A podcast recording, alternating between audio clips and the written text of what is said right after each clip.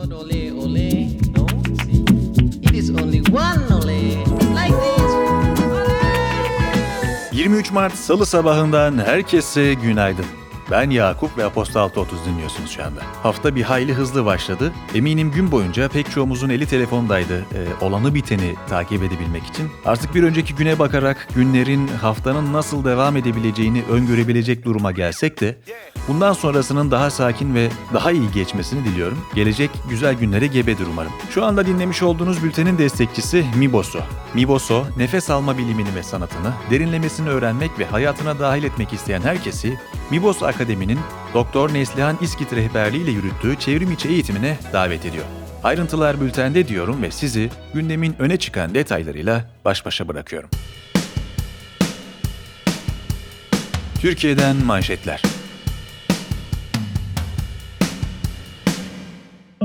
Hazine ve Maliye Bakanı Lütfü Elvan, dün sabah yaptığı yazılı açıklamada mevcut politikaların süreceğini ve serbest piyasa mekanizmalarından taviz verilmeyeceğini belirtti. Açıklamayı takiben dolar TL kuru 8'in altına geriledi. Dolar TL'deki dalgalanmaların ardından BIST 100 endeksinin başlangıcında %6,65 kayıp görüldü. Borsa İstanbul kaybın ardından devre kesici uygulamasını devreye aldı. İkinci başlangıçta kayıplar %7'yi aşınca ikinci kez devre kesici uygulandı. Kapanışta kayıplar %9,7 seviyelerindeydi.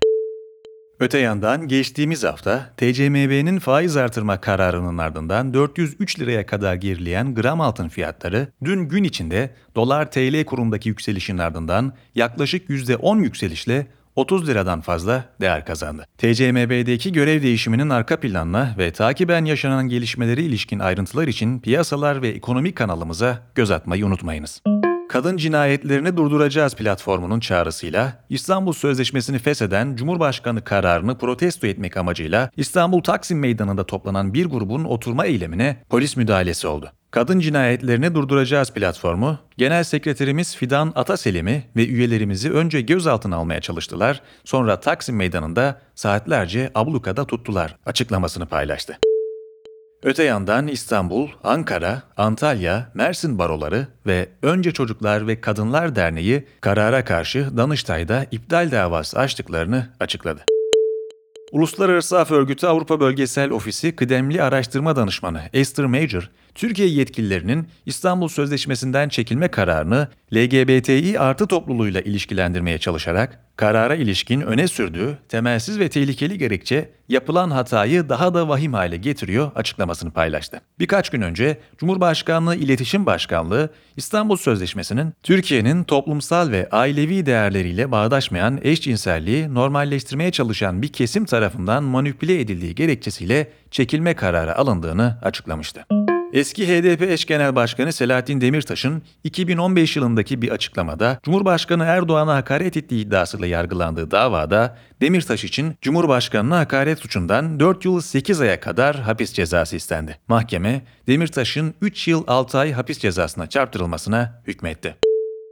Milletvekilliği düşürülen HDP'li Ömer Faruk Gergerlioğlu bugün gelen tebligatla kendisine 10 günlük bir süre tanındığını, teslim olmaması durumunda yakalama emri çıkacağının belirtildiğini ifade etti. Ayrıca HDP milletvekillerinin bugün Gergerlioğlu'nun milletvekilliğinin düşürülmesini Anayasa Mahkemesi'ne taşıyacağı belirtildi. Gazete Duvar, Diyarbakır Cumhuriyet Başsavcılığı tarafından HDP eş genel başkanı Mithat Sancar hakkında geçtiğimiz gün Nevruz Bayramı'ndaki konuşmasında örgüt propagandası yaptığı iddiasıyla soruşturma açıldığının öğrenildiğini yazdı.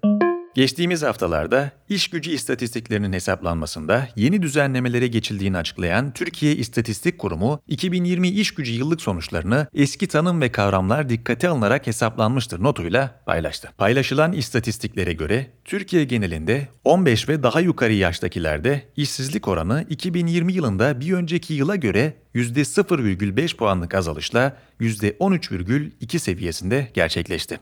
İstihdam oranı ise %2,9'luk azalışla %42,8 olarak açıklandı. Vakıflar Genel Müdürlüğü, Taksim Gezi Parkı'nın da dahil olduğu taşınmazların Sultan Beyazıt Hanı Veli Hazretleri Vakfı adına tescilinin gerekçelerine dair bir açıklama paylaştı. Açıklamada 5337 sayılı kanunun her ne suretle olursa olsun hazine, belediye, özel idareler, köy ve tüzel kişiliğinin mülkiyetine geçmiş vakıf kültür varlıkları Mazbut Vakfı'na devrolunur kapsamlı 30. maddesine atıfla taşınmazların Sultan Beyazıt Hanı Veli Vakfı'na ait olduğunun tespit edildiği belirtildi. Açıklamada bu kapsamda Pera Palas Otel, Vefa Lisesi, Şişli Etfal Hastanesi, Sayit Halim Paşa Yalısı gibi yapılarında Beyazıt Hanı Veli Vakfı adına tescil edildiği ifade edildi. 20 Mart'ta İstanbul Büyükşehir Belediyesi, yüz binlerce İstanbullunun oy vererek yapılmasını istediği yeni Taksim Meydanı projesinin çalışmalarına başlamak üzereyken alınan bu kararın zamanlaması manidardır açıklamasını paylaştı. İBB Başkanı Ekrem İmamoğlu da dün İzmir'de katıldığı bir programda bir mülkiyet davası açacaklarını belirtti. Dünyadan manşetler.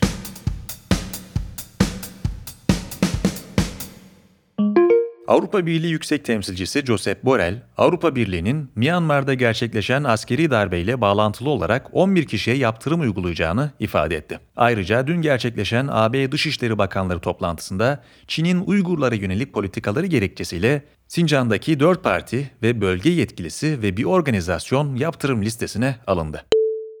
Toplantı öncesi açıklamalarda bulunan Almanya Dışişleri Bakanı Heiko Maas, Türkiye'nin İstanbul Sözleşmesi'nden çekilmesini ve HDP'ye kapatma davası açılmasını Avrupa Birliği'ne gönderilen yanlış sinyaller olarak yorumladı. DW Türkçe'de yer alan habere göre toplantının ardından konuşan Borrell de Türkiye'deki iç gelişmeleri endişeyle takip ettiklerini, bu tür adımların Türkiye'yi Avrupa yolundan çıkardığını ve AB açısından tüm seçeneklerin masada olduğunu açıkladı.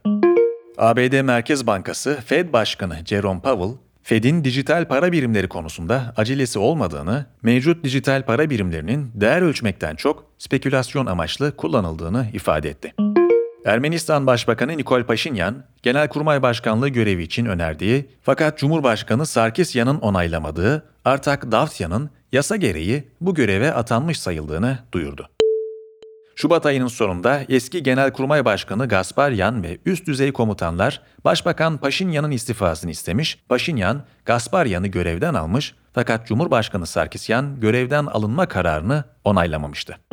Yemen'deki savaşın taraflarından Suudi Arabistan, İran destekli grup Husilere hava ve deniz yollarının açılmasını ve ülke çapında bir ateşkesi öngören Birleşmiş Milletler gözetiminde yürütülecek bir barış teklifi sunulacağını açıkladı.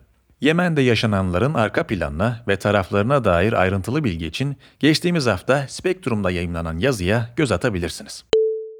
ABD'de gerçekleşen 3. faz çalışmalarında Oxford Üniversitesi ve Birleşik Krallık merkezli AstraZeneca'nın birlikte geliştirdiği COVID-19 aşısının belirtileri önlemede %79, ölümleri engellemede %100 başarılı olduğu bulundu. Bazı kan pıhtılaşması riski raporlarını takiben kullanımlar bazı ülkelerde geçici olarak askıya alınmış, Dünya Sağlık Örgütü'nün aşı kullanımının sürmesi çağrısı ve Avrupa İlaç Ajansı'nın aşının güvenli ve etkili olduğu açıklamasının ardından uygulamalara yeniden başlanmıştı. Piyasalar ve ekonomi Merkez Bankası'nda yaşanan sürpriz değişiklik piyasalarda sert tepkiye neden olurken uluslararası finans kuruluşları ve ekonomistler Türkiye ekonomisine dair karamsar bir tablo öngörüyor. Cuma'yı cumartesiye bağlayan gece resmi gazetede yayımlanan Cumhurbaşkanı kararıyla yaklaşık 4,5 ay önce atanan Naci Ağbal'ın Türkiye Cumhuriyet Merkez Bankası Başkanlığı görevinden alınarak yerine 26. dönem AK Parti milletvekili Profesör Doktor Şahap Kavcıoğlu'nun getirilmesi piyasalarda ve küresel ekonomi çevrelerinde volatiliteye sebep oldu. Aynı senaryo 6 Kasım Cuma gece yarısı yayımlanan bir Cumhurbaşkanı kararıyla Murat Uysal'ın yerine göreve getirilen Ağbal'da da yaşanmıştı. Naci Ağbal başkanlığındaki Merkez Bankası'nın politika faizini beklentilerin üzerinde 200 baz puan artırarak %19'a çıkarmasından 2 gün sonra gerçekleşen görev değişikliği, Merkez Bankası'nın zor ve yeni kazanılmaya başlanan kredibilitesinin yerini soru işaretlerine bırakmasına sebep oldu ve TL, dolar karşısında %10'un üzerinde tarihi bir değer kaybıyla işlem gördü. Merkez Bankası başkanlarının görev süreleri dolmadan yapılan değişikliklerin ve atılan adımların birçok ekonomist ve uluslararası kuruluş tarafından bankanın bağımsızlığı ve enflasyonla mücadelesi bakımından geri adım olarak görülmesi piyasalarda risk algısını artırdı. Hacer Sert, haftanın en önemli gündemlerinden birine Merkez Bankası'ndaki başkan değişikliğine odaklanıyor. Yazının içerdiği detayların merak ettiğimiz pek çok şeye yanıt olacağını düşünüyorum. Detaylıca incelemek için bülteni ziyaret etmeyi unutmayınız. Politika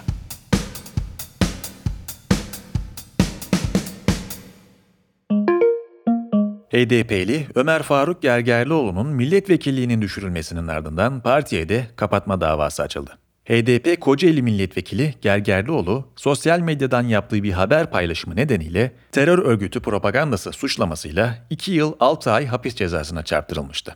Yargıtay 16. Ceza Dairesi yerel mahkeme kararını 19 Şubat'ta onaylamıştı.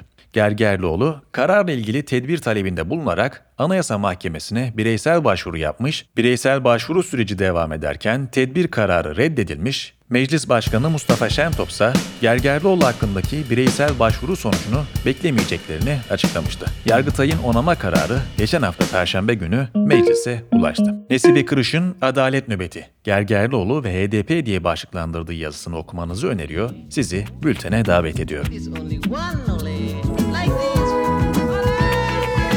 23 Mart Salı gününde her hafta olduğu gibi yine beraberdik. Ben Yakup. Size sağlıklı bir gün diliyorum. Perşembe günü görüşmek üzere.